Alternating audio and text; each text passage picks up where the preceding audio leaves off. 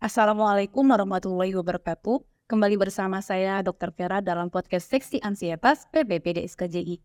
Kali ini kita bersama salah seorang narasumber kita ada Dr. Muhammad Hasbi, Magister Kedokteran Spesialis Kedokteran Jiwa. Assalamualaikum dokter. Waalaikumsalam. Baiklah dokter, kali ini kita akan membahas topik dengan judul dampak media sosial terhadap kesehatan jiwa remaja. Topik kita kali ini ada dampak media sosial terhadap kesehatan jiwa remaja nih dok. Iya. Ini seperti apa dok? Dampak negatif dari media sosial itu sendiri terhadap kesehatan jiwa remaja dok? Oke, kalau cerita dampak negatif pada penggunaan atau datang media sosial tersebut memang banyak ya. Mungkin bisa kita ketahui bahwa uh, kita memakai media sosial itu salah satunya mungkin terisolasi dari dunia luar ya artinya kita tidak mementingkan lingkungan sekitar. Jadi terus nah dampaknya kalau terlalu berlebihan itu bisa mencapai sampai uh, mencapai keluhan seperti kecemasan depresi bahkan sampai stres. Sampai stres juga iya. ya. Kemudian gimana dok dengan uh, media sosial sendiri yang bisa mempengaruhi mood atau emosi seseorang? Iya itu udah sangat uh, bisa mempengaruhi apalagi dengan penggunaannya terlalu berlebihan. Jadi membuat uh, reaksi moodnya itu sampai berubah. Artinya apa? Terlalu berlebihan dengan jumlah durasi yang berkepanjangan. Mungkin juga dengan seperti ini ya dok kayak orangnya terlalu fokus nih dengan Betul. kehidupan media sosial dan Ya. misalnya dipanggil atau apa moodnya jadi perhatian tuh ya, perhatiannya ya dok ya. Iya, kemudian dok kadang nih kalau kita lihat teman-teman ataupun kita sendiri ya yang Hmm. sering lihat di media sosial itu kan nah, pencapaian atau yang bagus-bagusnya tuh yang ada di media sosial tuh. Terus gimana nih, dok kadang ada yang kita ngerasa ngebandingin dengan diri kita gitu dok. Terus dampaknya sendiri terhadap kesehatan seperti apa tuh?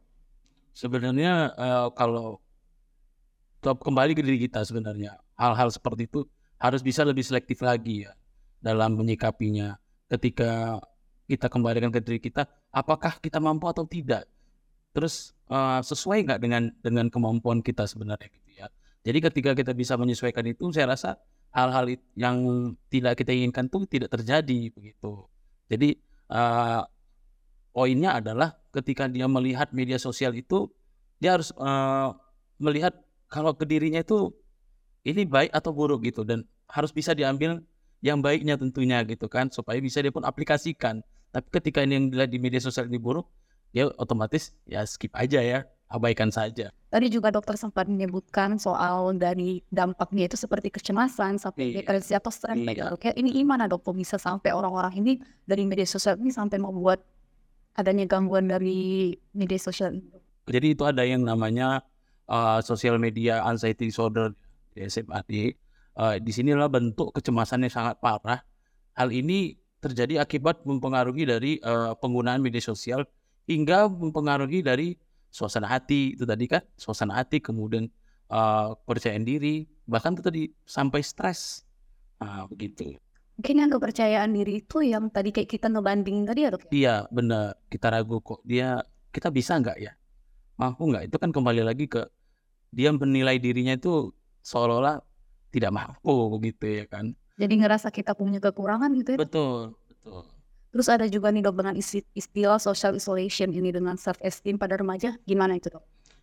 kalau apa namanya tadi em, isolation itu dia Iya. yang masalah self self esteem tadi nah jadi penggunaan media sosial kenapa bisa terjadi seperti itu kita ketahui bahwa dia hanya fokus di dunia mayanya saja ya di media sosial dia pakai dia seolah-olah eh, terisolasi dari dunia luar dia anggap dunia barunya lah itu.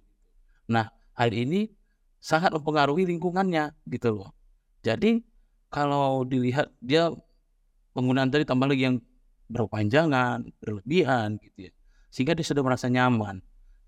Jadi membuat dia pun untuk bersosialisasi atau ber- berkomunikasi dengan orang lain ya sangat meragukan dirinya. Jadi juga memang mungkin komunikasi atau Iya. eh, interaksi dengan orang ya. Iya sangat terganggu Juga kita lihat kadang ini ada yang komen-komen nih dok, komen-komennya kadang menghina, mencaci. iya Jadi ada dengan istilah cyberbullying ya. Dok, iya ya. betul. Nah ini seperti apa dok kita sebagai remaja untuk menyikapi hal-hal tersebut dok? Ah, Oke, kalau perkara cyberbullying ini memang kalau itu kan perundungan, perundungan yang melalui dari media sosial, media yang lain juga begitu ya. Uh, banyak lah sebenarnya. Intinya dengan teknologi lah dilakukan gitu. Nah, biasanya kita gimana cara menyikapinya adalah yang pertama itu sebenarnya ya kita harus berpikir secara positif aja itu pertama. Kemudian bisa juga dilakukan dengan mengabaikan kalau memang tidak uh, berdampak besar ke kita. Nah, kalau bila perlu ya harus dilaporkan ya dilaporkan gitu ya. Kemudian terakhir kalau memangnya uh, kalau sangat mengganggu sekali, ya kita bisa untuk blokir hal-hal seperti itu. Kemudian dok uh, terkait dengan konten-konten dok, kadang kita kan melihat konten yang terkait dengan mental illness nih dok pada media sosial dapat menyebabkan gangguan jiwa pada remaja. Ini gimana? Hmm, kalau pada mental illness itu dapat mengganggu kesehatan jiwa itu udah pasti ya. Maksudnya uh, media sosial ini tentunya ya. Akibat dari begini. Jadi uh, penggunaan media sosial yang ada beberapa literatur katakan penggunaan media sosial yang lebih dari dua jam per hari itu cenderung uh, dua kali lipat lebih besar kemungkinan uh, terjadi hal-hal yang seperti stres, kecemasan, udah dibandingkan dengan penggunaan yang kurang dari setengah jam. Nah, jadi besar dampaknya sebenarnya. Wajar pasti mengalami uh, mental illness tadi gitu. Kemudian dok, uh, selain daripada hal tersebut, ada juga nih dengan gangguan tidur nih dok. Gimana dok? Kadang kan penggunaan media sosial yang berlebihan tadi kayak dokter sebut kan ada dua jam di bahkan. Iya. Dok. Ini gimana dok untuk uh, hal tersebut dok? Oke, kenapa bisa mempengaruhi gitu ya terhadap gangguan terjadi gangguan tidur ya? Ya, karena kita kan kebanyakan kalau sekarang ini yang trennya itu kan penggunaan media sosial dari gadget atau dari handphone gitu ya. Hmm. Biasanya kan handphone itu ada yang namanya uh, cahaya biru ya di handphone itu ya, blue light ya. Kemudian, nah di situ ketika kita gunain pada saat malam, cahaya itu uh, menghambat teririsnya atau terbentuknya itu uh, melatonin gitu. Nah, jadi ketika itu terhambat, kita pun ter, secara tidak langsung uh, karena tidak terbentuk kan seharusnya kalau itu terbentuk kan kita menjadi ngantuk ya karena itu tidak terbentuk jadi kita semakin fokus dan konsentrasi sehingga mengganggu untuk kita tidur jadi lebih uh, ke insomnia jadinya ya kan? Ah, ah begitu. Jadi memang bisa mempengaruhi iya betul. media sosial ini ya. Iya. Mungkin untuk teman-teman di rumah nih baik untuk pertanyaan terakhirnya sebagai edukasi dok. Gimana mm -hmm. edukasi terhadap remaja terkait dengan penggunaan media sosial ini dok? Oke. Okay. edukasi ya untuk pada para remaja. Mungkin yang pertama apa uh, kita bisa lihat kegiatan banyak bisa kita lakukan dengan hal-hal baru.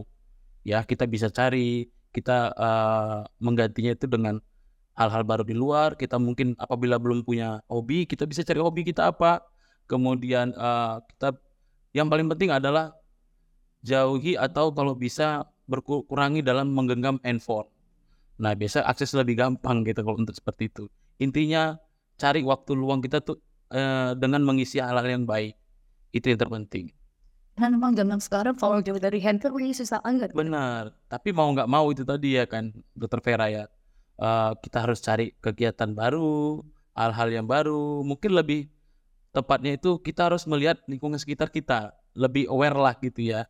Nah, jadi uh, boleh, bukan tidak boleh untuk dalam hal penggunaan media, media sosial. Artinya kalau kita menggunakan media sosial secara baik, ya seimbang jadinya begitu. Mungkin diganti dengan perhatian yang lain. Iya. Tiga lain. Betul iya, setuju. Terima kasih banyak dok atas iya. informasinya. Sama-sama dokter Vera. Demikianlah podcast kita kali ini. Terima kasih banyak dok atas Sama-sama. kesempatan dan ilmunya ya dok ya. Iya. Nah untuk teman-teman di rumah dok yang ingin jumpa atau konsultasi langsung sama dokter di mana ya dok? Uh, bisa kunjungi saya atau jumpa di klinik utama Binatma. Kemudian bisa di rumah sakit daerah Sultan Sulaiman, kemudian ada juga di rumah sakit Columbia Asia Aksara. Nah itu dia tadi tempat praktek dokter Hasbi jika ada yang pengen konsultasi atau ngerasa ada gangguan nih terhadap dirinya karena media sosial tadi ya dokter ya, bisa jumpa langsung sama dokter Hasbi. Semoga apa yang udah disampaikan tadi dapat bermanfaat untuk teman-teman di rumah. Demikianlah podcast kita kali ini. Tiada kesehatan tanpa kesehatan jiwa. Salam sejahtera, salam sehat jiwa. Assalamualaikum warahmatullahi wabarakatuh.